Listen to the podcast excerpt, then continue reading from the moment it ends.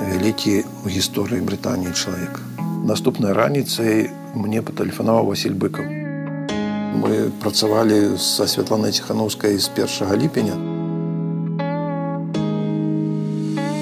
Вітаю тэлебуцы сёння я паразмаўляю з чалавекам які мае каласальны досвед у палітыцы. 30 год таму ён працаваў разам з сахаравым і быкавым стаяў ля вытокаў незалежнасці беларусі. А цяпер выпрацоўвае план перамогі у камандзе святланы ціхановскай. Разам з новай генерацыяй палітыкаў і актывістаў. Падавалася б прычым тут рок-н-рол? у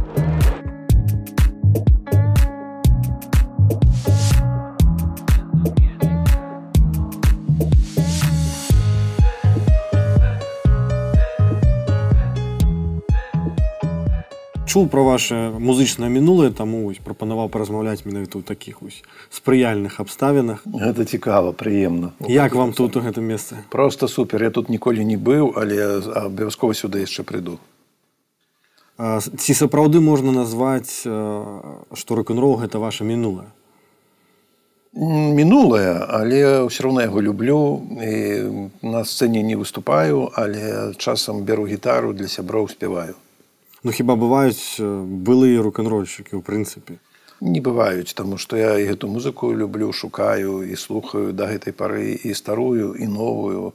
І ўсё роўна гэта некая прыкмета майго жыцця. Без гэтага я не магу.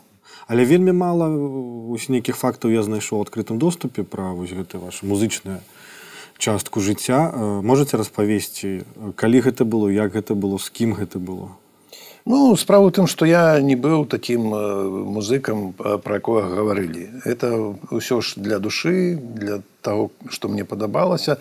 І пачалося гэта яшчэ ў девятым класе школы, калі мне бацькі купілі гітару. пасля мяне запрасілі ў такі гурт са школьнікамі. Ну, ён быў вельмі слабы, яшчэ мы не вельмі ўмелі іграць, але гэта была добрая школа.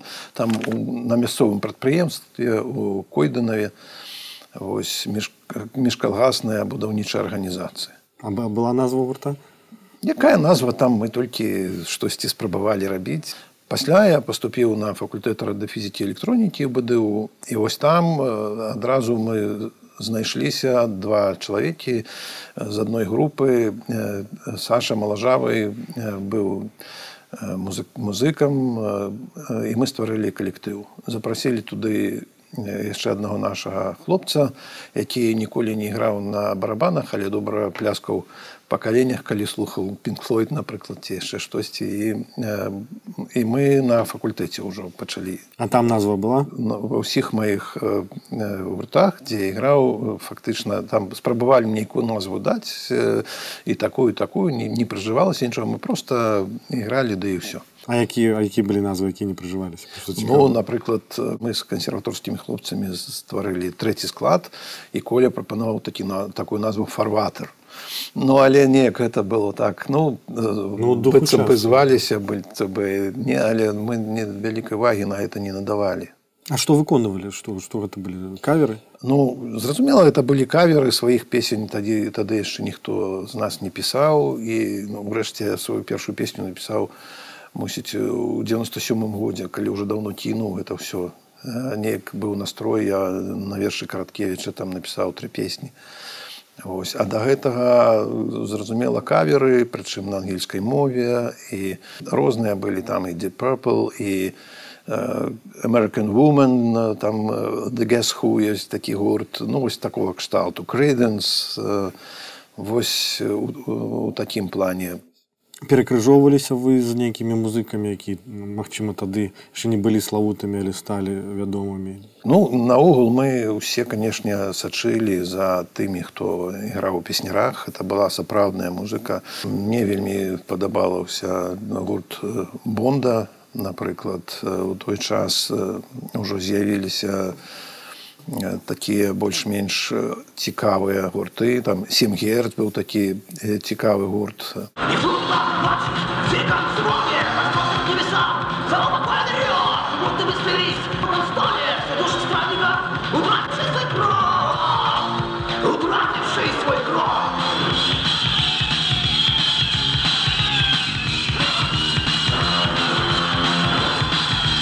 Але кар'еру музычную вы так і не зрабілі. На чым усё скончылася? Ну скончылася ўсё на тым што я ўсё ж выбраў прафесію інжынера электроншчыка Вось я разумеў што ну у мяне не было ніколі ніякай музыкальнай адукацыі. І я разумеў што у параўнанні з гэтымі хлопцамі з кансерваторыі мне шмат чаго не хапае хутчэй за ўсё мне не хопіць таму што у мяне просто псіхатып іншы. 87 годзе мы ўжо пачалі жаніцца усе і з'явіліся іншыя клопаты і таму вось тады я ўжо кінуў музыку у сэнсе перастаў выступаць у нейкіх гуртах. Фізік так, перамог лірыка так? Я не думаю што перамог. На наадварот я памятаю гэту савецкую дыскусію калісьці ж там паміж фізікамі і лірыкамі ніколі не разумеў таму што у мяне было шмат фізікаў якія былі выдатнымі лірыкамі знаёмых Вось гэты час так вы працуеце інжынерам музыка аматар з'явілася сям'я. Якім чынам так атрымалася што вас там літаральна праз два гады занесла ў вярхоўны савет савецкага саюза і вы сталі народным дэпутатам? Ну, это быў э, дзіўны крок для мяне спачатку. 89 годзе былі аб'яўленыя выбары і адразу выбары ў верховны савет савецкага саюза і раптам сказалі вось трэба каб працоўны калектыў вылучаў кагосьці і да мяне прыйшлі сябры з майго аддзелу і кажуць давай вось сёння будзе сход давай мы цябе будзем вылучаць што смеецеся хто я такі? Я наогул гэта нічого не умею тут не, не разумею хаця у нас быў ужо палітклуб такі нефармальны мы там збіраліся абмяркоўвалі мяне гэта ўжо цікавіла я разумеў што трэба штосьці мяняць але яшчэ не вельмі добра. Но яны сказалі ну давай хоць паспрабуем ну паспрабавалі стварылі вельмі моцную каманду энтузіястаў і ўрэшце перамаглі. Калі адбыліся выбары наступнай раніцай мне патэлефанаваў василь быкаў і сказаў што ён мяне віншуе ён сачыў за маёй кампаніяй. Для мяне гэта было як гром з неба. А вы не былі знаёмы? Не но гэта было для мяне просто штосьці такое. І затэлефанаў да мяне памочнік ельцына і сказаў што ён чуў пра маю кампанію таму што я выступаў за шматпартыйнасць тады і ва ўсёй беларусі было два чалавекі толькі якія балатаваліся і адкрыта казалі пра тое што трэба шматпартыйнасць я яшчэ адзін дэпутат пасля абраны фаменка з магілёва і ўсё і ён запрасіў нас сустрэчу з ельцыным але ў мне толькі нарадзіўся сын. Ось 10 траўня і я просто не мог паехаць выбачыўся і пасля ўжо сустрэліся з ельцыным пазней а ў чым паспяховасць была гэтай вашай кампаніі? Паспяховасць была такая што ніхто тады у сапраўдных выбарах ніколі не ўдзельнічаў. Ні мы не ўлада. І мы просто не, ведаючы нічога праявілі такую энергію э, рабілі ўсё што просто можна было выдумаць рабіць. І мы э, праехалі па розных месцах там нават на прадпрыемствах там каля прахадных выступалі схадзілі э, ў розныя арганізацыі там пагаварылі і праводзілі там на вуліцах сустрэчы я на мітынгу выступіў э, там дзе бнф арганізаваў мітынг пазняк выступаў я выступаў Вось пасля пра мяне знялі камсамольцы фільм якія кепскі што выступаў на мітынгу бнф Ну вельмі дапамаглі, таму што гэты фільм яны пракруцілі на ўсіх прадпрыемствах акругі, а акруга была 300 тысяч выбаршчыкаў, тры раёны мінска, вялікая вельмі.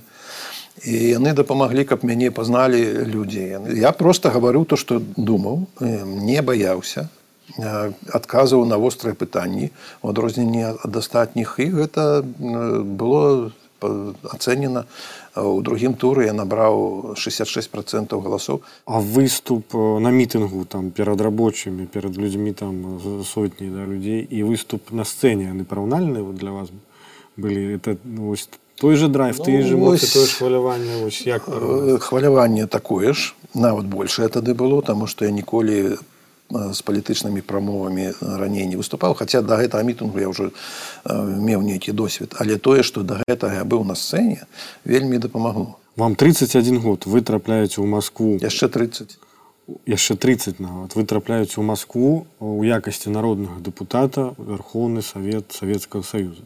Побач з вами быкаў, Адамович, Сабчак, Ельцын, Сахараў.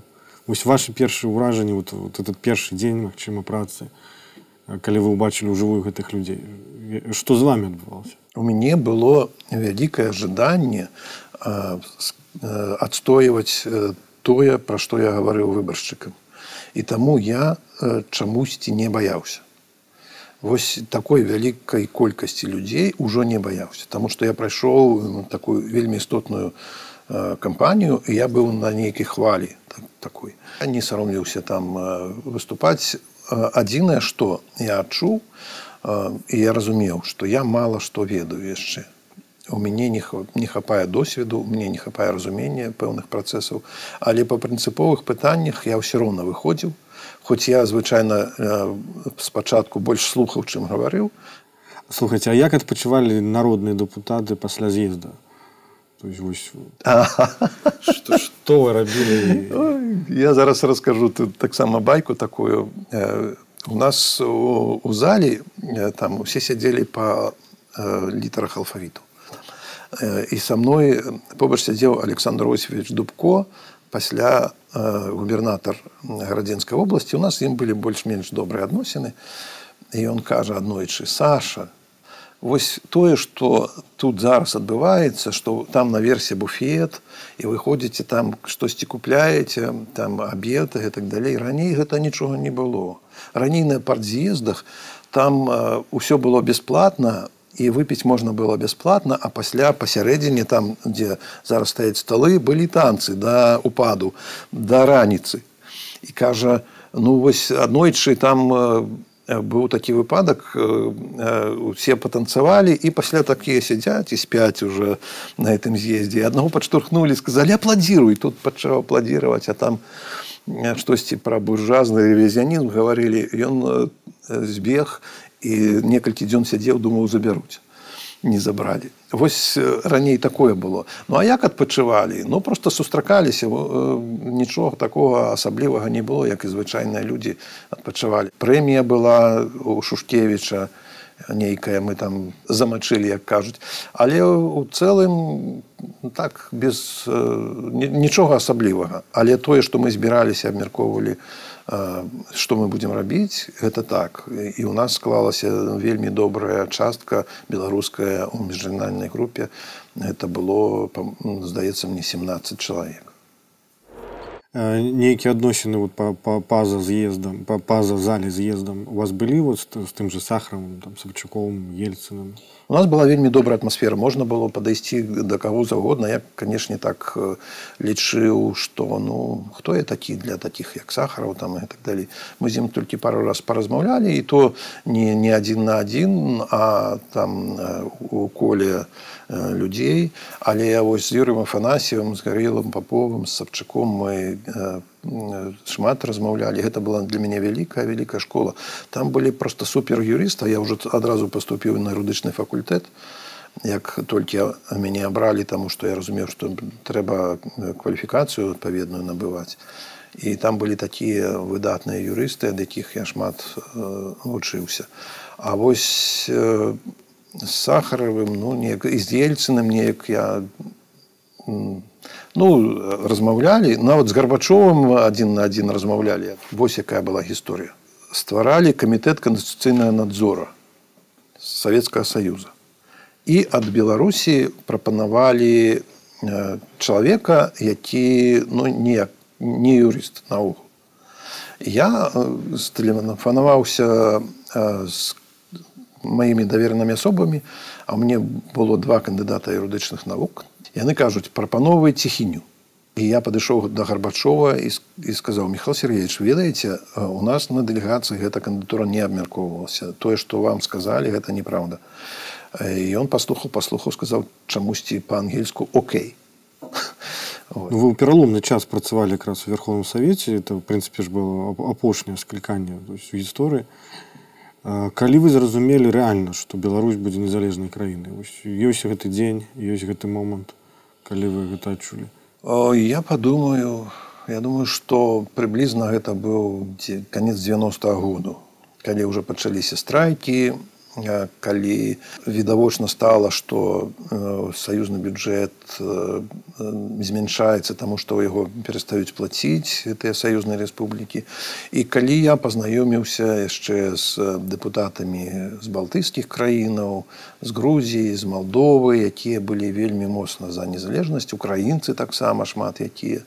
Вось і мы стварылі тады дэмакратычны кангрэс адной з мэтаў гэтага дэмакратычнага кангрэса была такая цывілізаваны дэмантаж імперскіх структур. Як і дзе вы сустрэлі жнівінскі пуч? Што вы гэты час рабілі? Ну это было смешна трохі. Якраз я быў на лецішчы начаваў там і дзесьці о пятой гадзіне так у беларусі так под койданавым это бацька пабудаваў і по дзесьці а пятой ці а шостой гадзіне раніцы хтосьці там заходзіць э, я чую голас бацькі ён кажа слухай уставай э, у москве путч я кажу что путч кажа у москве пераварот я адразу сабраўся паехаў. Это не нечаканасць для вас нечаканасць абсалютная. Э, паехаў у адразу ў менск і мы сустрэліся у доме музея у доме музеі Масіма богдановича якім кіраваў тады алесь беляцкі. Вось абмеркавалі там розныя палітычныя партыі бнф аб'яднаная дэмакратычная партыя сацыял-дэмакраты там ці проста актывісты абмеркавалі што мы будзем рабіць мітынгі пратэсты і гэтак далей. З москвы мы атрымалі ўжо тэксты указаў ельцына і я арганізаваў там на сваім прадпрыемстве мы іх раздрукавалі усюды распаўсюджвалі а указы ельцына былі супраць путчу.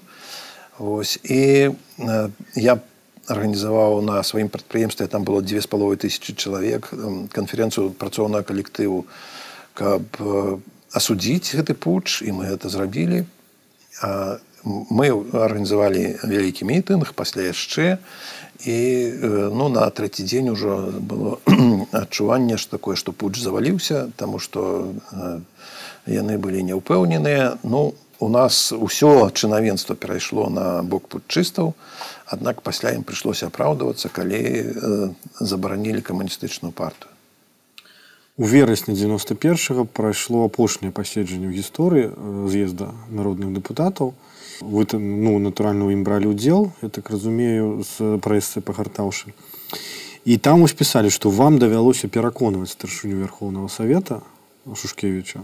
У тым каб э, прызнаць суверэнітэт нашай краіны ці так гэта вось хочу дазнацца з першай крыніцы як тое было.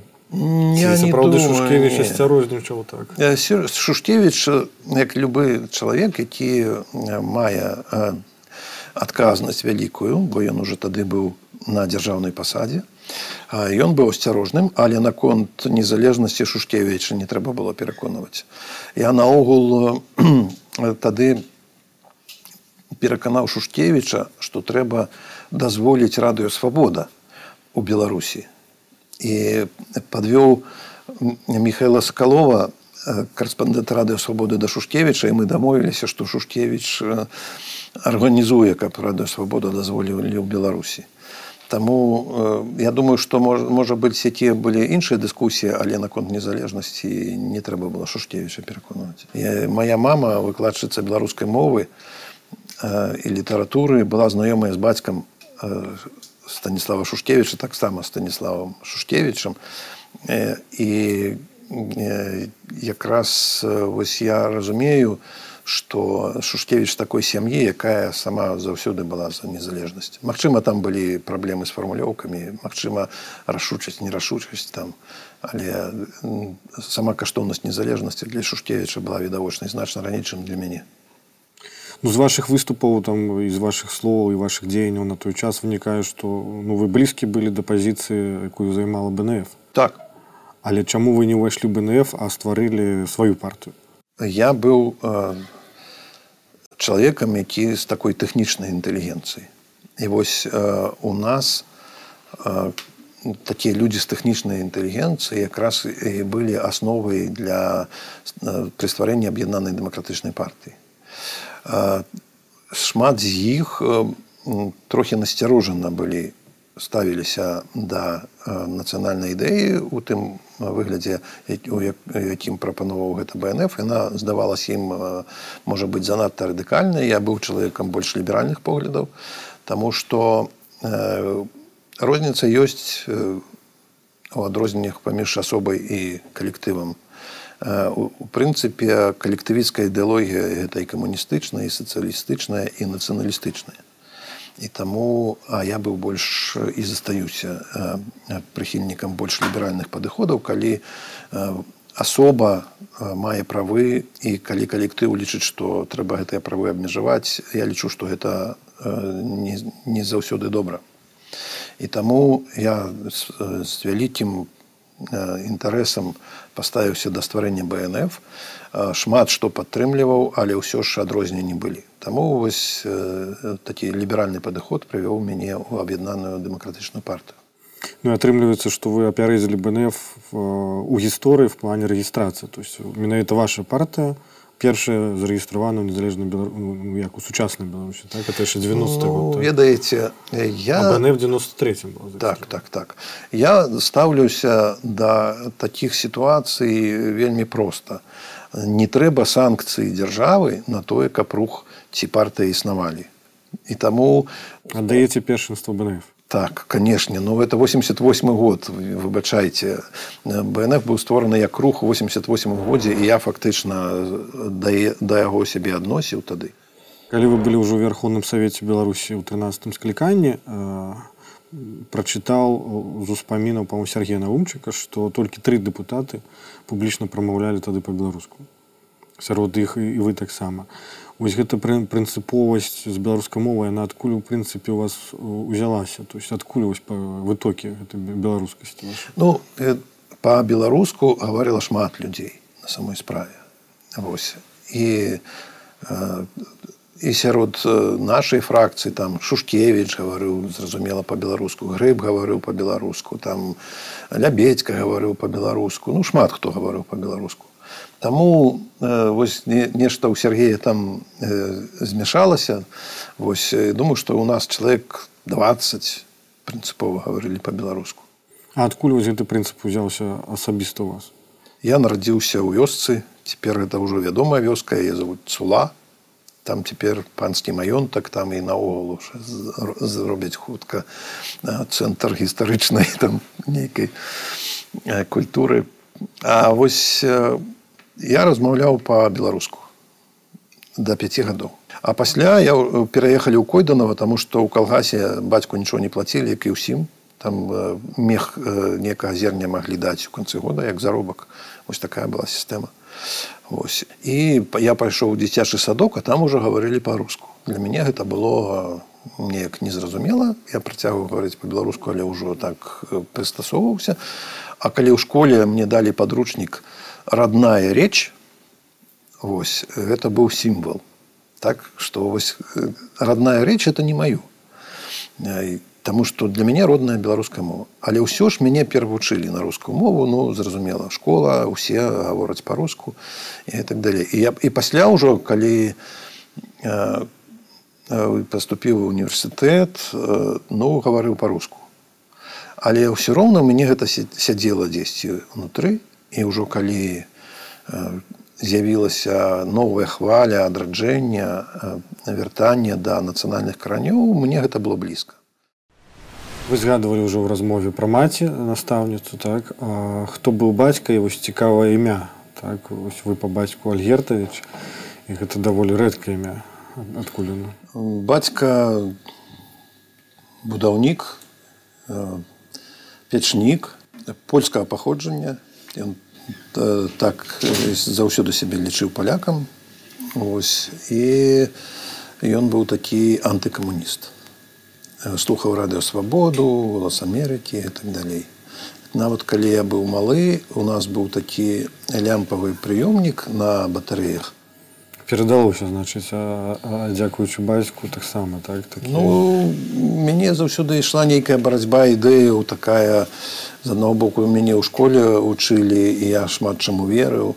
З бацькам нават спрачаўся часам але ўсё ж я разумеў што ёсць нейкія іншыя ідэі якія не абавязкова адпавядаюць там таму што вучыць у школе.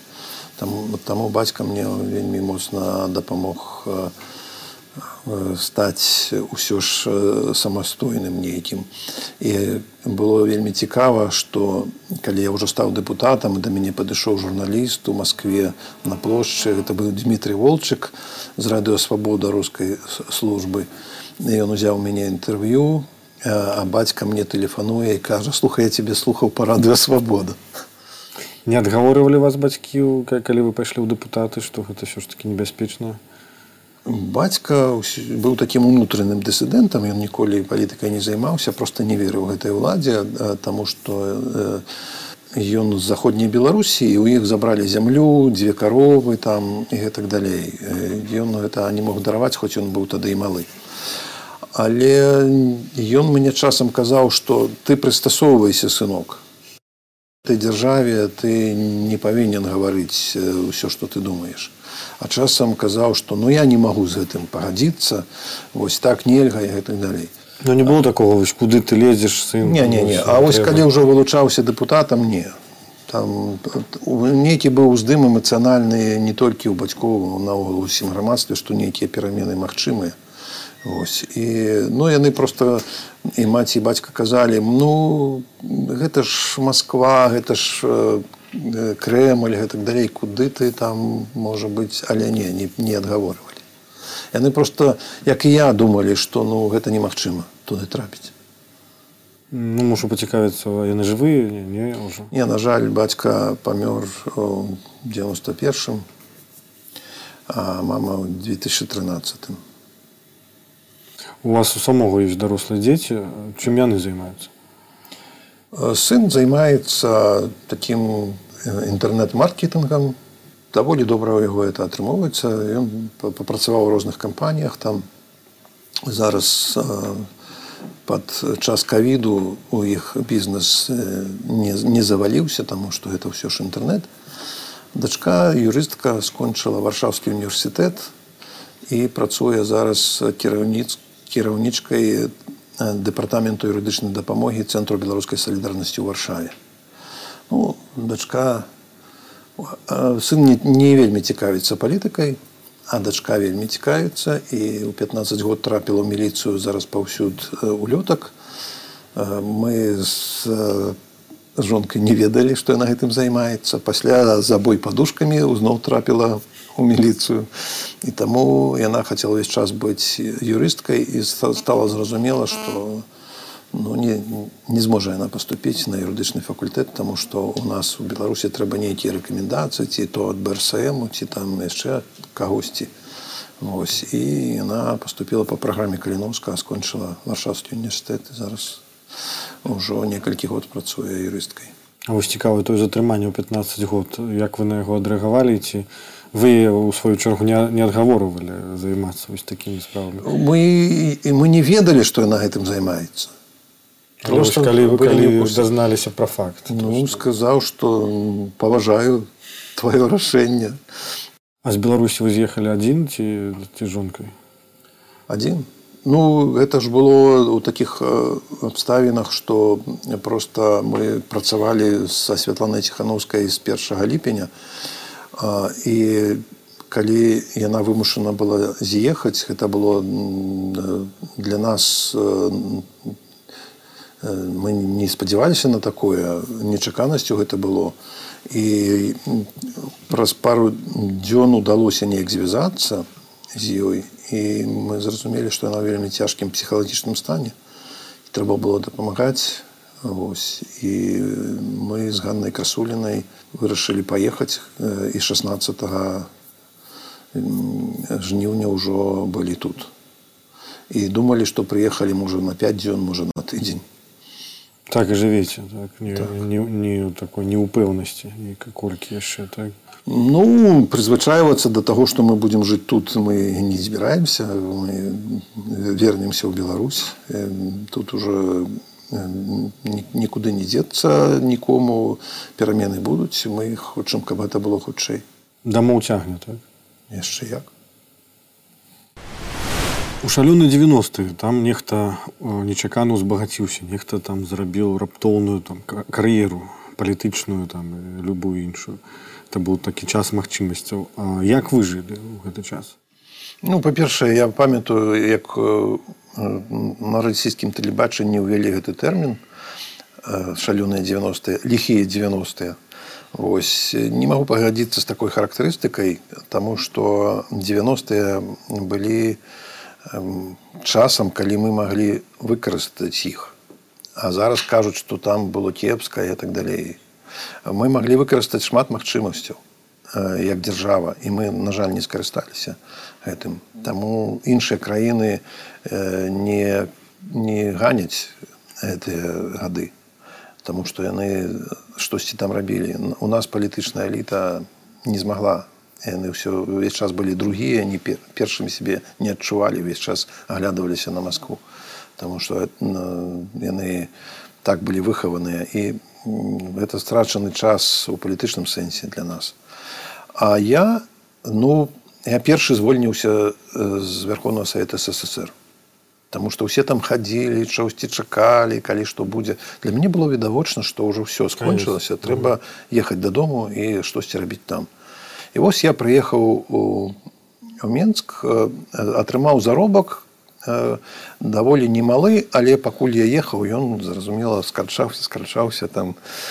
Ось, і таму грошай ўжо не ставала у бацькі там дзесьці больш за 10 тысяч рублёў пераўтварыліся ў незразумела што ў паперкі нейкія ў маці там мы страцілі ўсе грошы я прыехаў у мяне сям'я сын.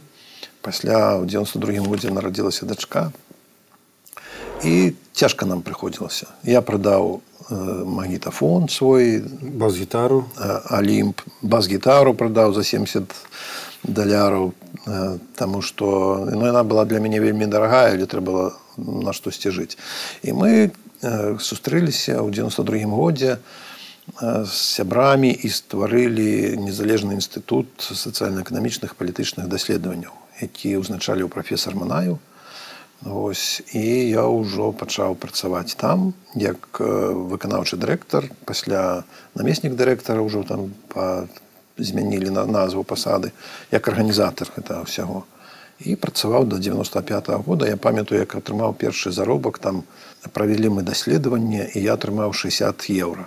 Ну не еўра а марак нямецкіх. На 60 марак у 93 годзе можна было жыць месяцы тры паколькі мы праводзілі для немцаў даследаванне тады то я некалькі месяцаў атрымліваў гэта у марках А ў 94 вы нейку нейкі ўдзел у прэзідэнцкай кампанію якасці кагосьці прымалі ці вы просто а, ну у 94 былі прэзідэнцкія выбары зразумела і мы падтрымлівалі станіслава шушкевича мы працавалі на яго кампанію. На жаль было ўжо пазнавата з шушкевичам наконт таго што ён павінен вылучацца на прэзідэнта. Мы гаварылі значна раней ён увесь час вагаўся і так далей а ўжо ішла дыскусія што павінна быць уведзена пасада прэзідэнта распрацоўвалася новая канстытуцыя каб калі шушкевіча быў рэйтынг там 50 там ці 45 процентаў астатніх значна менш. то тады каб ён саставаў з этой кампаніі то у нас бы быў добры нармальны прэзідэнт без такой шалёнай прагі да ўлады.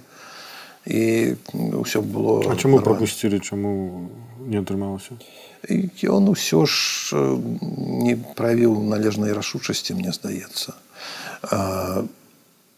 Ён хацеў каб паступова памяркоўна як тады вось такое было папулярнае слово памяркоўнасць каб усё памяркоўна развівалася так не атрымалася а з гэтым першым прэзідэнтам якога абралі вы асабіста пазнаёміліся сустракаліся?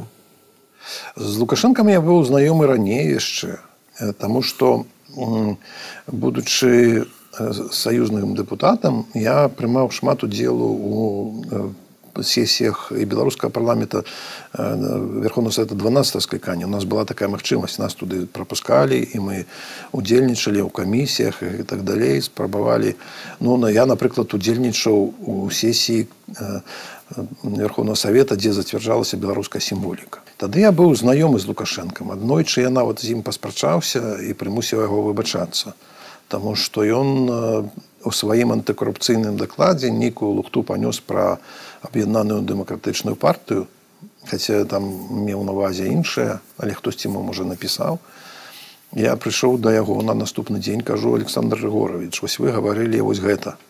Гэта неправда ён кажа нет я такого не говорил я ему дыктафон ведаючы яго і он паслухаў сказаў ну добра пайшоў на трыбуну і прызнаў сваю памылку 96 вы были одним из тех кто занялся импичментом сегодня 19 ноября возбуждено производство по делу о нарушении президентом Республики Беларусь Лукашенко Александром Георгиевичем Конституции Республики Беларусь. А, чему не атрымалася эта справа? Складанае пытанне. Шмат фактараў не склалася. Першае мы зразумелі, што трэба будзе хутчэй рабіць імпічмент, таму што э, раз за разам Лукашенко парушаў канстытуцыю, выдаваў указы, якія пасля канстытуцыйны суд прызнаваў неканстытуцыйнымі. І мы вырашылі пасля таго як 15 указаў ужо было неканстытуцыйнымі і ён выдаў распараджэнне такі акт які не прадугледжаны канстытуцыі і в гэтым распараджэнні напісаў што ўсе мусяць выконваць гэтыя ўказы якія адмяніў канстытуцыйны суд. Мы все вырашылі што будзем рабіць імпічмент таму што это пагражае дзяржаве і я быў прадстаўніком групы дэпутатаў якія падпісалі патрабаванне імпічменту ў канстытуцыйным судзе нас такіх было тры прадстаўнікі і памятаючы тое што было я ўсё ж думаю што выбарцы народ беларускі быў зачараваны лукашэнкам яго вось гэтым абаяннем ён жа прыйшоў да ўлады на хвалі такой зайздрасці. Я забяру гэтыя ўсе палацы катэджы я тут чыноўнікаў пасаджу і гэтак далей.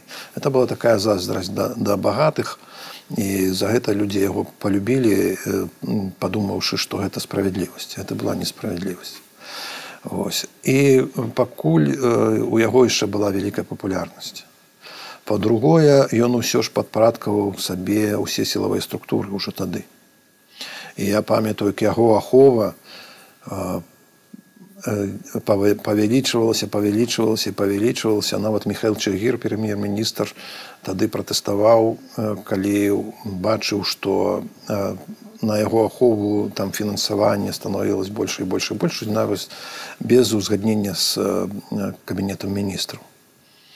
І вось тады ахова лукашэнкі перад рэферэндумам просто акружыла цэнтр выбарка які ўзначаліў тады Віктор ганчар і я я і павел данейка мой калега депутат мы прыехалі да ганчара ў кабінет і нас варвалася гэта ахова і вынеслі просто за руки за ногі страшно было? усіх. Не не ведачым Вопрос э, полковнику Тесовцу.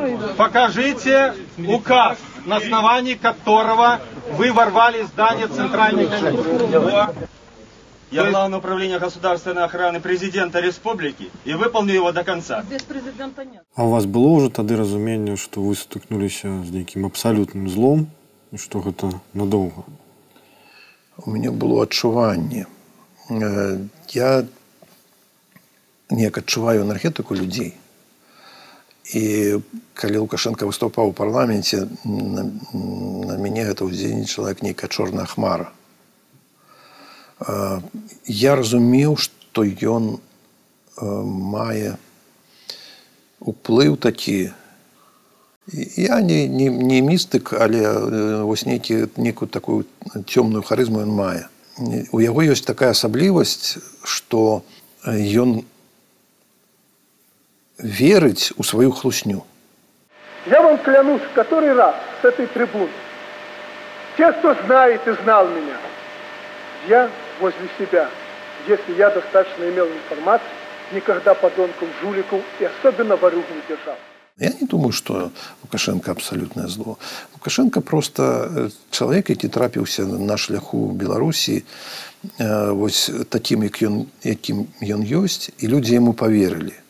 І вось ён пачаў выкарыстоўваць і людзей, і краіну, і ўладу у сваіх, у сваіх уласных мэтах. Ну, у вас, я так разумею, паводле вашай біяграфіі з'яўляліся надзеі раз-пораз э, нешта змяніць так і я вось хочу згадаць 2001 вы ўвайшлі сталі адным з кіраўнікоў штаба ганчарыка адзінага кандыдата э, тады была надзея ці гэта просто был уже нейкі працэс механічны больш Не не тады была надзея справа у тым что э, выбары павінны былі адбыцца ў 99 годзе Таму што Лукашенко абраны быў у 94. Аднак ось такім хлуслівым шляхам ён на рэферэндуме 96 -го года дадаў сабе два гады. У ганчарыка там было больш за 40 процентаў і у Лукашенко было менш за 50. Так паказвалі дадзеныя сацыялагічных апытанняў, якія былі там неадкрытыя і павінен быў быць другі тур. А вось я лічу што другі тур для лукашэнкі гэта смерці ён гэта разумеў. Таму што ўсе хто супраць яго аб'ядноўваліся ў другім туры Таму лукашенко паспрабаваў не дапусціць і пасля гэтага ніколі не было другого туру у нас спачатку на прэзідэнцкіх выбарах пасля і на парламенцкіх. І вось тады была надзея, што па меншай меры мы можам пераламіць сітуацыю і Лукашенко э, павінен будзе прызнаць, што ёсць апазіцыі, трэба з ёй лічыцца нават калі ён пераможа. Я трапіў да ганчарыка з каманды домаша, якога мы спачатку падтрымалі і ну, просто яны пасля дамовіліся, што адзіным кандыдатам будзе ганчарык. Ну, я памятаю расчараванне часткі людзей, калі ўсё ж такі стаўка была зроблена на ганчарыка і большая частка людзей гэта была з каманды домаша что ну ганчарыкам не падабаўся кандыдат вы думаеце нешта было по-іншаму каб все ж таки стаўка была зроблена на, на домаша ці вынік быў бы аднуль шмат чаго было по-іншаму тому что ўсё ж дома ж быў такі больш нацыянальна арыентаваны ён быў з такой рэгіянальнай эліты і так далей. Але я ганчарыка вельмі добра ведаў яшчэ ён быў дэпутатам разам са мной саюзным. І бачыў што ён усё ж мае свае прынцыпы ён моцная асоба. І вось калі прапанавалі шэрагу кандыдатаў інфармацыю агучыць пра тое як знік ганчар як знік захарынка і так далей вось ты сведчанні алкаева тады. Вось это знікненні палітыкаў фактычна якіх забілі пагадзіўся наколькі я разумею толькі ганчарык это агучыць. Да, если так пойдет дальше, если он будет делать вид, что ничего не происходит, это можно предположить, что он был заинтересован в исчезновении этих людей, его э, оппонентов. Слухайте, ну няўжо не было разумення таго, што вось пастаўлена замест вашага сябры ганчара вось гэтая асоба палічыць ну, абсалютна так, як трэба. То есть, ну, дзеля чаго гэта ўся мітусня, калі вынік шу дома, шу ганчарык, шу казлоўскі, шу вы сам, ну як бы гэта абсолютно не важно гэта раней э, пазней усе зразумелі тады а это былі першыя выборы якія былі пасля прэзідэнцкіх. І у нас было ўяўленне такое што яны канешне падкінуць і падкінуць процентаў 10-15 і гэтак далей. І прыблізна э, э, так і было. Таму што яны адабралі 10 процентаў 15 ад ганчарыка прыпісалі яму там 15 ну может 20 яны адабралі ад ганчарыка. І все это подкінулі лукашенко это было нечакана гэта было чакана. Гэта было чакана. Але мы заходзілі з таго что што б мы не рабілі а мы павінны рабіць тое что трэба. Ну альтэрнатывай было что байкот байкот мы не верылі што людзі падымуцца на байкот Таму што тады ўжо пайшло першае расчараванне лукашэнку людзей але ўсё ж за яго было шмат людзей. І трэба было даваць альтэрнатыву. І мы спадзяваліся што прафсаюзы штосьці там здолеюць зрабіць. Но адразу я зразумеў толькі трапіў штаб ганчарыка што гэта нейкае асінае гнездо там большасць было людзей бесхребетных якія былі ў большасці чамусьці за лукашэнку. Яны на ганчарыка не працавалі нармальна. Некаторыя працавалі але большасць не.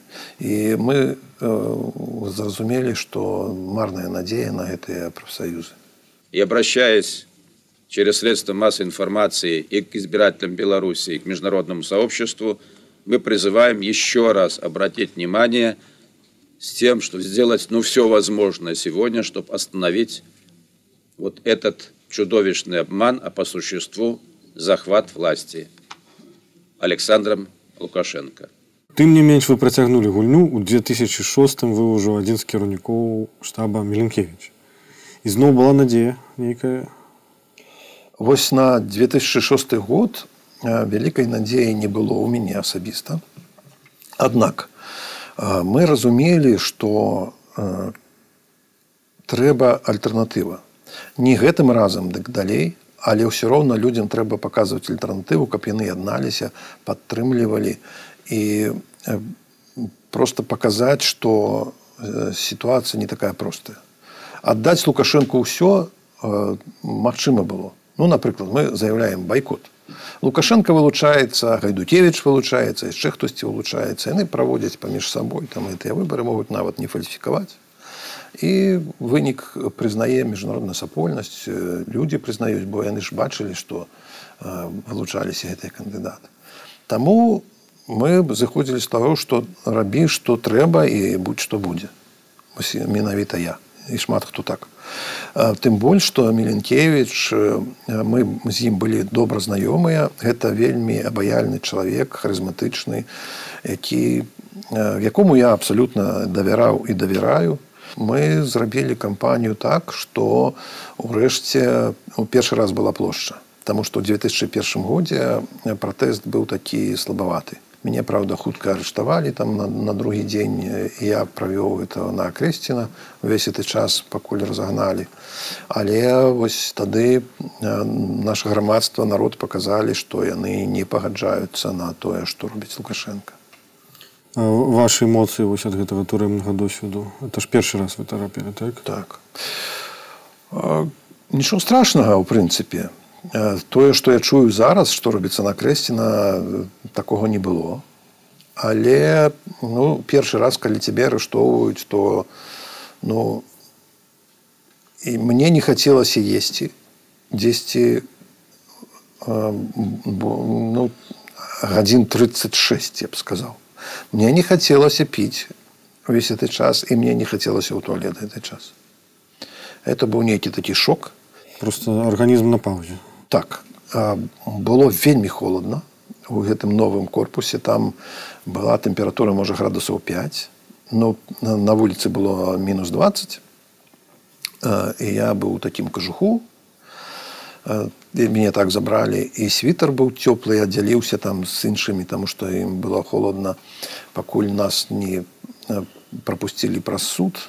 Суд доўжыўся там хвілін 5 быў фармальнасцю запісалі што я крычаў жыве Беларусь! і далой лукашенко! Ну далой лукашенко ніхто ніколі не крычаў так у нас іншыя былі слоганыя ну это ўсё усім пісалі я казаў што нічого не крычаў таму што я яшчэ толькі падыходзіў ну мне напісалі што гэта як форма абароны мае словы. Яны ўсім так пісалі Вось цікава, калі вы чулі, што ў штабе ганчарыка, што ў штабе Меленкевіча, вось гэтыя лічбы агучаныя ўжо канчаткова там я не памятаю колькі 80 процентаў там набраў. Які ў вас былі эмоцыі? То есть гэта, гэта было што адчуванне паразы гэта ну, было прадказальна, то есть вы выругались там неяк ну, вот, як вы ставіліся вот, менавіта ў гэты момант. У гэты момант вось кожны чалавек які гэта пачуў гэта вось нейкае пачуццё такой несправядлівасці нахабнасці просто мы разумелі што хутчэй за ўсё у 2001 годзе мы не думалі што лукашенко на гэта вось так нахабна пойдзе. Таму что ну не было такого яшчэ прыкладу. А ў 2006 годзе разумелі што і, і таму у нашай стратэгіі у 2006 годзе былі нейкія такія кропкі якія не звязаны з павесткай лукашэнкі якія вось напрыклад не рэгістрацыя кандыдата і адразу плошча прадугледжвалася мы на гэта працавалі напрыклад яшчэ нейкая там зняцце кандыдата таксама плошча дзень галасавання таксама плошча мы разумелі што павінен пратэст быць таму што на справядлівасць ніякай надзеі не было на тое што агучаць гэтыя лічбы Таму для нас гэта не было нечаканасцю але ўсё роўна такое нахабства калі табе плююць у вочы гэта ўсё роўна выклікае гнеў это быў гнеў Але вы разумелі, што заклікаючы на плошчу вы падстаўляеце людзей і што брутальны разгон можа быць і ўсё ж такі заклікалі. Так. Чаму? Таму што калі мы хочам, каб наша краіна змянілася, э, трэба чымсьці ахвяраваць. І сам, я сам там быў, і, э, э, я сам разумеў, што я гатовы. Вось, мне вельмі запомніліся словы майго добрага знаёмага Богдана Брусевіча, які быў адным з кіраўніком салідарнасці польскай калі ён сказаў што уявім сабе што ў краіне не хапае людзей якія гатовыя некалькі месяцаў пасядзець каб была нейкая новая будучыня краіны. Калі так то гэта краіна не вартая этой будучыні. І я гэта заўсёды памятаю. Калі мы не гатовыя на ахвяры дзеля будучыні то яна не прыйдзе. Будзе тое што зараз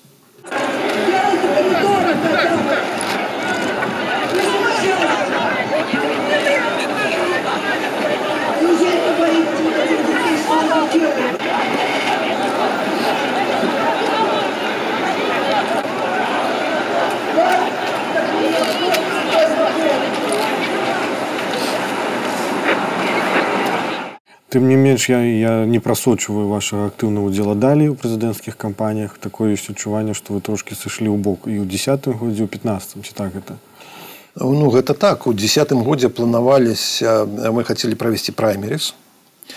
Я заўсёды за гэта выступаў. Яшчэ ў 2004 годзе праект такі прапанаваў каб вылучыць адзінага кандыдата і прыцягнуць увагу грамадства каб гэта была канкурэнцыя паміж апазіцыйнымі кандыдатамі людзі глядзелі каб такім чынам зрабіць вядомым павысіць вядомасці рэйтынг адзінага кандыдата. Тое што па весне два так. спроба так, так. І, і ў 2006 мы так сама это прапаноўвалі аднак вырашылі гэта зрабіць больш проста праз кангрэс і ўсё роўна гэта было значна лепш.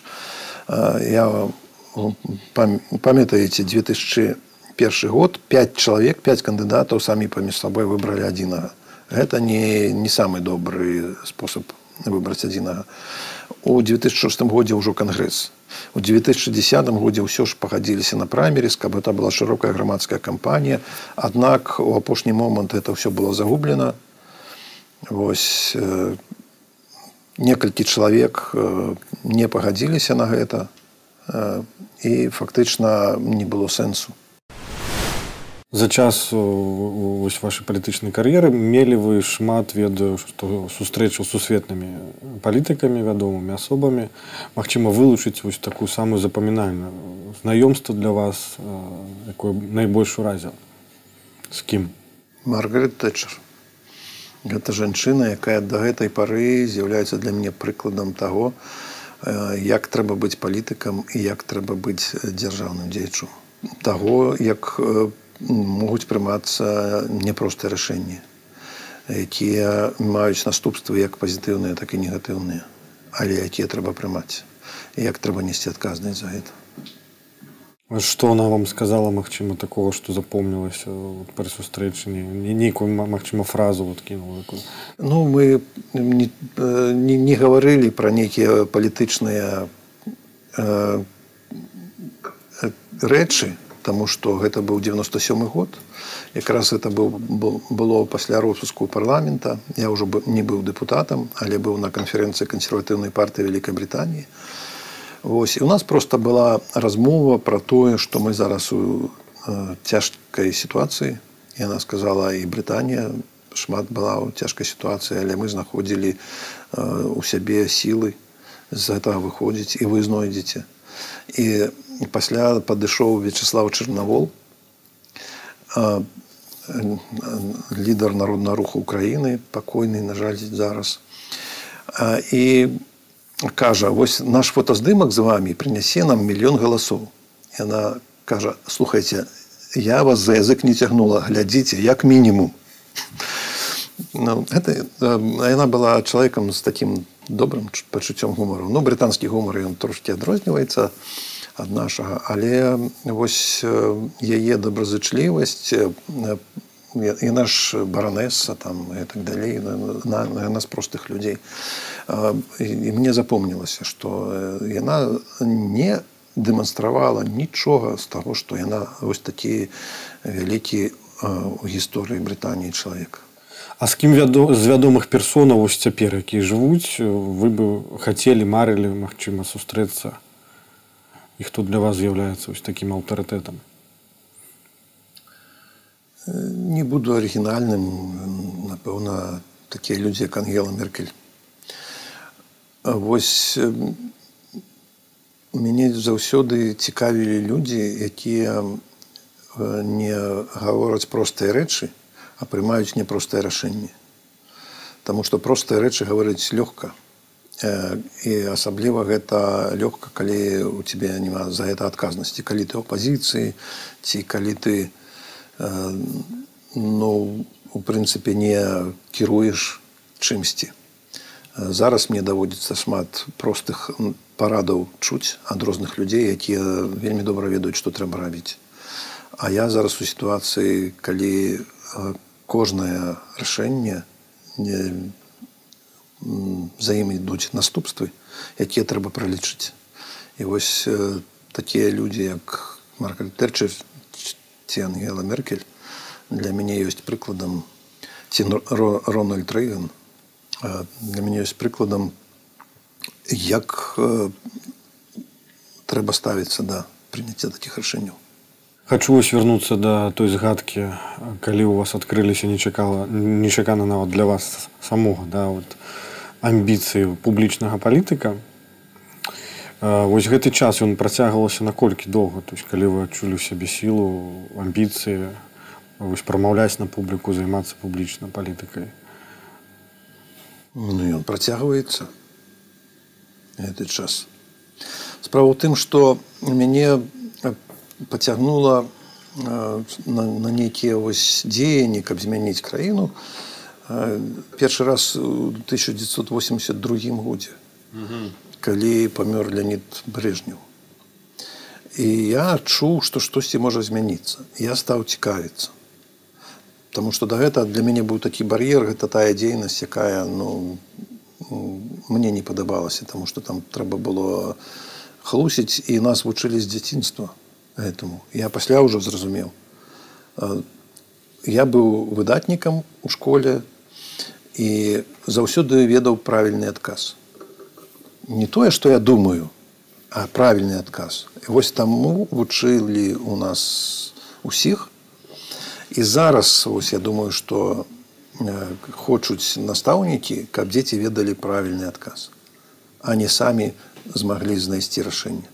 І вось жаданне штосьці змяніць у мяне з'явілася тады А ўжо пасля я пачаў цікавіцца цікавіцца цікавіцца і 88 годзе калі стварылі бнф у нас ужо мы там на прадпрыемстве часам у абед абмяркоўвалі штосьці. І мяне рухала не столькі моя амбіцыя самому штосьці рабіць але далучыцца да таго што трэба рабіць. Я не хацеў быць там нейкім аднасобным лідарам я просто хацеў каб штосьці мянялася І вось думаю, што і зараз не тое, што я хачу быць такім лідарам, каб мець уладу.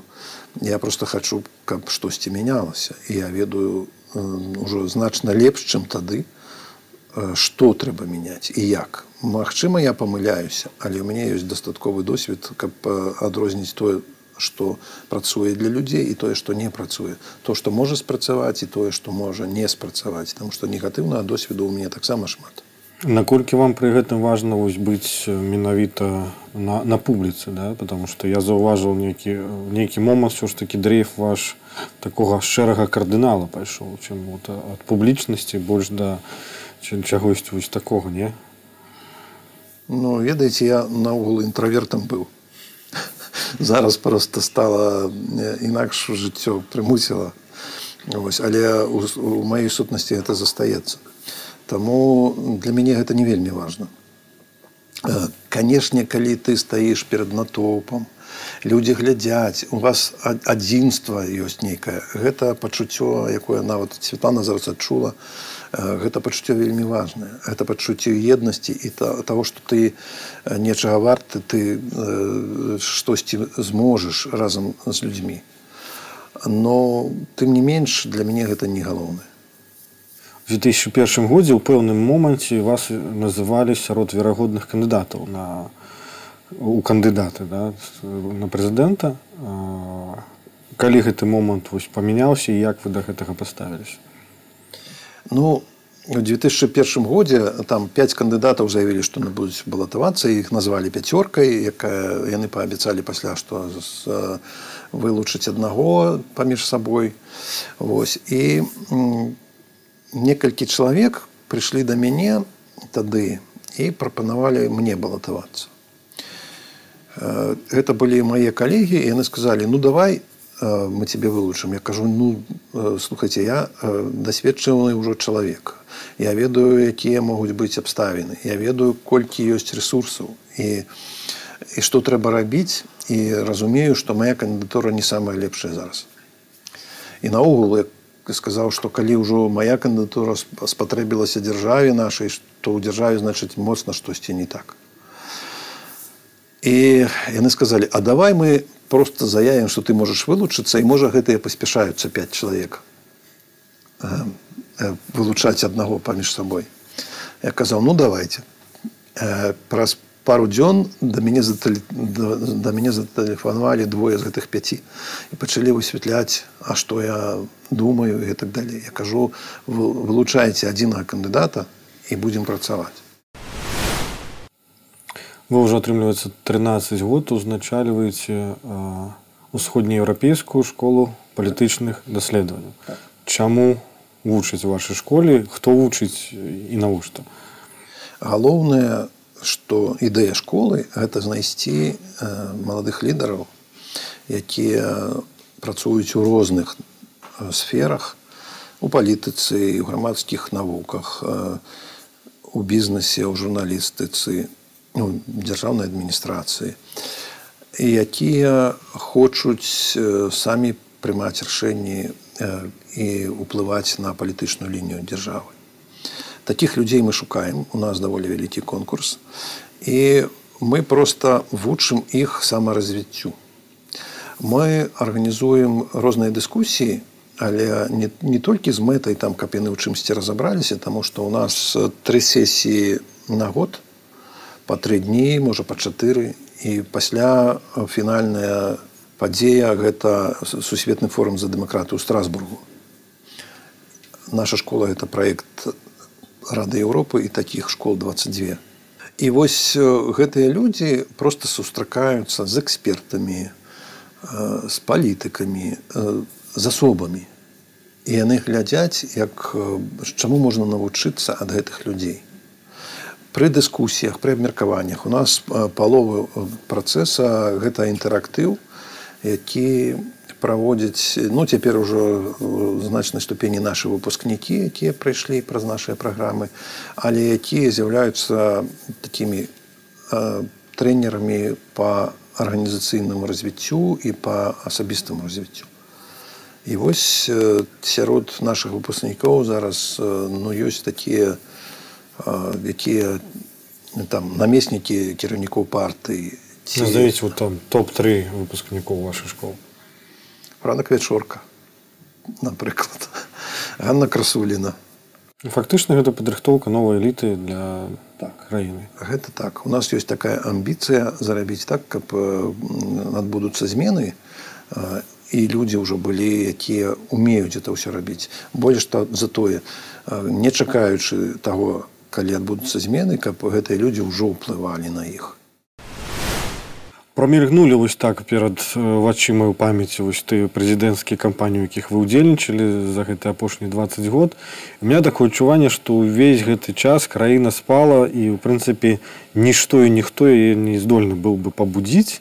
І тут здарыўся 2020 год. Ваша версія што адбылося чаму людзі прачнуліся ну ведаеце было шмат людзей якія хацелі краіну пабудзіць. І паступова гэта адбывалася.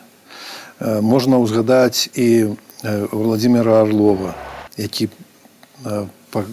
дапамагаў людзям зразумець якая ў іх была гісторыя. Можна лявона вольскага ўзгадаць які сваімі песнямі просто даваў эту беларускую энергетыку. Шмат якія палітыкі літаратары імкнуліся гэта зрабіць.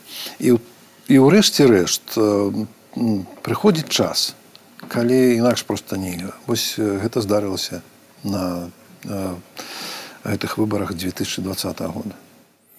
Ну людзі так скажем новая фармацыі які далучыліся там да штаба Віктора бабарыкі іншых кандыдатаў.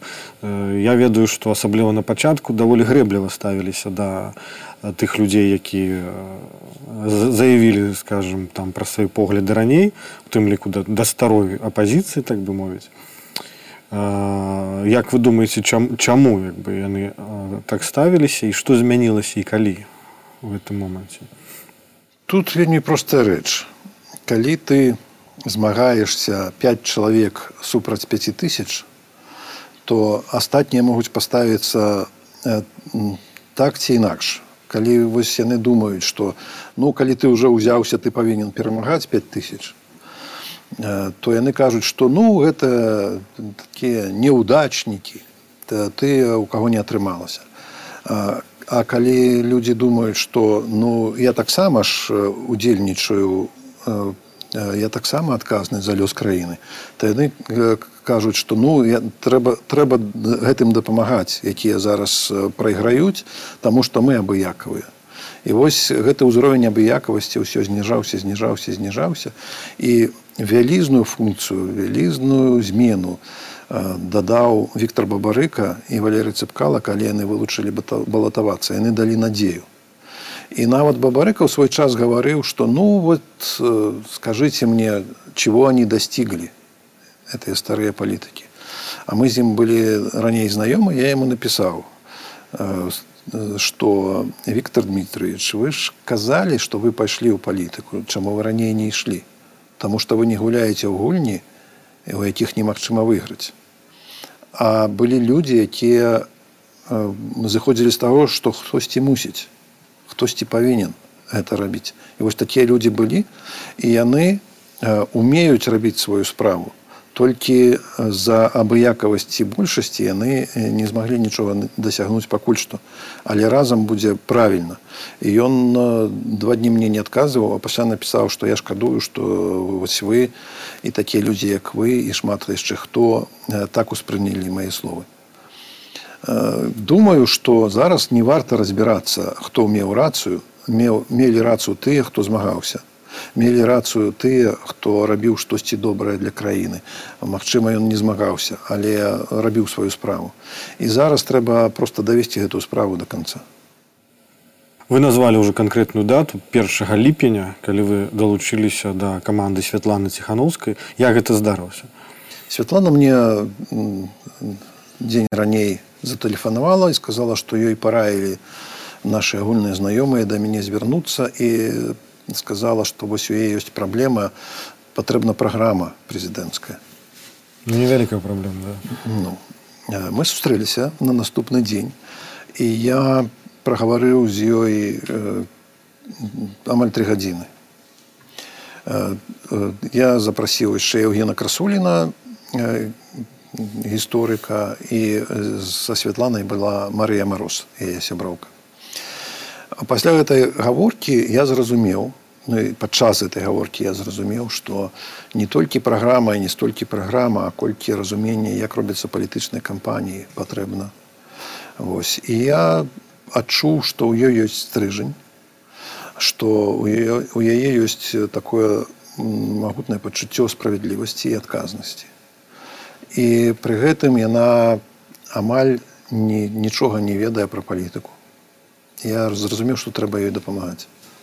Вось з гэтага пачалося і далей мы пайшлі мы рыхтавалі аб'яднанне што быў ну, з боку святланы абмяркоўвалі як і што. І гэта адбылося. Магчыма это адбылося лягчэй таму што астатніх не зарэгістравалі.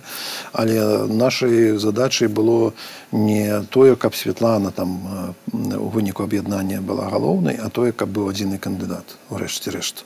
Хто б там быў мы памаглі абмяркоўваць. Але мы абмеркавалі шмат чаго што трэба рабіць. Ну а далей каманда бабарыкі ўжо калі пасля рэгістрацыі ўсё пачалося взяла шмат чаго на сябе таму што яны былі моцна падрыхтаваныя. Вось і гэта вялікая іх заслуга у тым што уся эта выбарчая кампанія прайшла вельмі добра. Тым не менш тое што адбылося да выбараў вось гэтыя чэргі каб паставіць подпісы. Я сам стаяў у чарзе каб за святлану паставіць подпіс больш за две гадзіны і там у гэтых чэргах былі такія людзі цудоўныя. Гэта ўжо паказвала што змены непазбежныя што лукашенко прайграў ужо і ён не можа гэтыя выбары выйграць. І тое што Беларусь ужо змянілася і яна просто павінна пайсці далей і трэба зрабіць усё каб гэта было магчыма. Вось гэта было відавочна для мяне. І що ж цікава да, да вас звяртаецца чалавек які не мае аніякага досведу аніякага рэйтынгу аніякага бэкграунду аніякага разумення наогул. І вы пагаджаецеся стаць ну у якім вы статусе працавалі вось летом са святланай я не думаў пра статус зарацца мне ну так фактычна фактычна да вы маглі ўкласці ў е ўсё все што заўгодна. Усе, так. усе, усе словы усе пасылы і гэтак далее. Вы ў гэтым убачылі все ж таки нейкае абнуленне магчымасцяў ізноў надзею убачылі ці вы просто поверылі ў яе патэнцыял тут больш вашага ці больш яе ўсё ж таки Ну маё там таксама было, але я хочу сказаць, што нельга укласці у вуснай святланы тое, у што яна не верыць, чаго яна не разумее. Вось гэта я, вельмі важная рыса, якую адразу адчуў. Таму у яе ёсць прынцыпы, магчыма, штосьці яна ў палітыцы да гэта пары да этой пары не ведае, але ўжо зараз яна зусім іншы чалавек, чым была тады у палітычным сэнсе. І ў прынцыпе той жа самы чалавек што яна была тады прынцыповы з пачуццём справядлівасці з пачуццём адказнасці. Вось гэта галоўнае што ў ёй ёсць. Яна чалавек які прадстаўляе народ. І вось я казаў што я в 89 годзе гаварыў тое што думаў і тое што ацанілі людзі яны гэтага таксама хацелі зараз тая самая сітуацыя Светлана разумее, што думаюць людзі. Светлана ведае, як гэтыя людзі жывуць. І Сергей Ціхановскі якраз паказвае, як жывуць простыя людзі. І ў Светланы ўжо быў рэйтынг не, не ў тым сэнсе, што е асабісты рэйтынг. Але рэйтынг такі, што вось такі чалавек быў патрэбен. Не той, які 30 год у палітыцы, не той, які вельмі шмат разумее, шмат ведае, а той, які з'яўляецца голасам людзей. Вось такі чалавек Светлана. Можна сказаць, што вы э, прыдумалі ціхановскую як палітыка. Не. То есть у яе ўжо былі задаткі ўсё ж такі. Канешне. Канешне, я не прыдумаў ціхановскую палітыка, Таму што ў палітыка ёсць шмат якасцяў, якія яму патрэбны. І вось у некаторых палітыкаў няма тых якасцяў, якія ёсць у святланы, але якія проста неабходныя, каб дзяржава нармальна развівалася. Вось палітык, які бачыць толькі сябе у палітыцы, гэта той палітык які можа завесці ў багну а святлана сябе ў палітыцы да гэтага часу бачыць. І я думаю што яна бачыць сябе ў палітыцы толькі як адказную асобу якая прадстаўляе чыесьці інтарэсы. А ў гэтым сэнс палітыкі. Не барацьба за ўладу а прадстаўленне і абарона інтарэсаў. Вось гэтаму мы вучым у нашай школе палітычных даследаванняў. Таму што той палітык, які лічыць, што галоўная барацьба за ўладу ніколі не будзе мець падтрымкі, Таму што э, гэта толькі яго асабісты інтарэс. І астатнім э, неважна, ці той будзе ці гэты. Але вось калі хтосьці сапраўды думае пра людзей, прадстаўляе іх інтарэсы, нясе за гэта адказнасць, вось ён варты падтрымкі. Вось гэтай чэргі, гэтыя шматтысячныя там ізноў мітынгі, стадыёны, сустрэчы, вы злавілі вось гэты рэканрольны кураж ізноў так гэты час то есть... так. Гэта я памятаю з тых часоў, калі я выступаў на сцэне і з тых часоў, калі я выступаў на мітынгах, Таму што калі ёсць пачуццё яднання і агульнай энергіі, гэта нічым не заменіш. Дык што рэканрол атрымліваецца жывы так? Так. І он заўжды атрымліваецца побач з вами па жыцці? Са мной так традыцыйна хочу запытацца як у кожнага госця якому я задаю гэта пытанне пры канцы тэлебудкі як далей жыць беларусам і што ім рабіць ваша парада беларусам варта памятаць пра тое пачуццё ўласнай годнасці якое зараз вельмі яскрава яны праявілі і пра тое пачуццё адказнасці за лёс сваёй краіны якое яны таксама праявілі а калі гэта будзе то будзе ўсё астатняе. Будзе і шчасце будзе дабрабыт. Калі мы будзем гаспадарамі на сваёй зямлі а не будзем дазваляць камусьці лічыць сябе нашим гаспадаром. Супер. Дзякую вялікі за размову. Раблю падарункі гасцям. Ну та, такая вось прыемнасць атрымліваю ад гэтага. І вось думал што падараваць вам. Я вось выбраў такой падарунак. Дзе папал рок. Класічны вініл гэта толькі марай рэмастеринг свежы там 2017 года здаецца ну і жадаю вам каб драйв в вашым жыцці не сканчаўся ніколі і каб урэшце мы перамалі дзякуй шчыра покажите на, на, на камеру. мой любимый гурт альбом 70 -го года які стаў рэвалюцыяй просто вось, гэты гурт разам з дзепелін блэксабас яны якраз заснавалі і хард-рок і хэві метал урэшце. Гэта вось такая быццам бы цяжкая музыка але на вельмі энергічная. Ну заўжды актуальна так. І мы як зараз into the fire. Есть такая песня. Мы якраз вось трапілі ў гэтай агоні я думаю што мы за яго выйдзем з перамогай супер. Запрашаем на сцэну дзякуй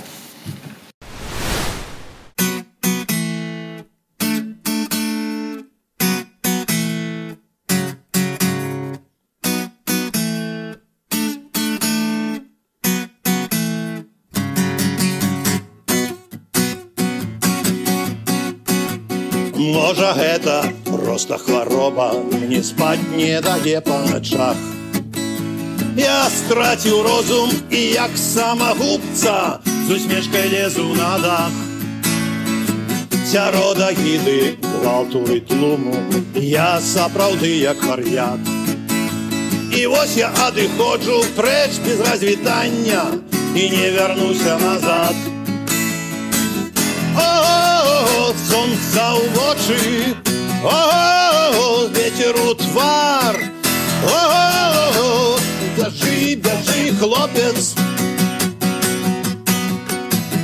О, солнце угочи. О, -о, ветер утвар. О, держи, держи, хлопец.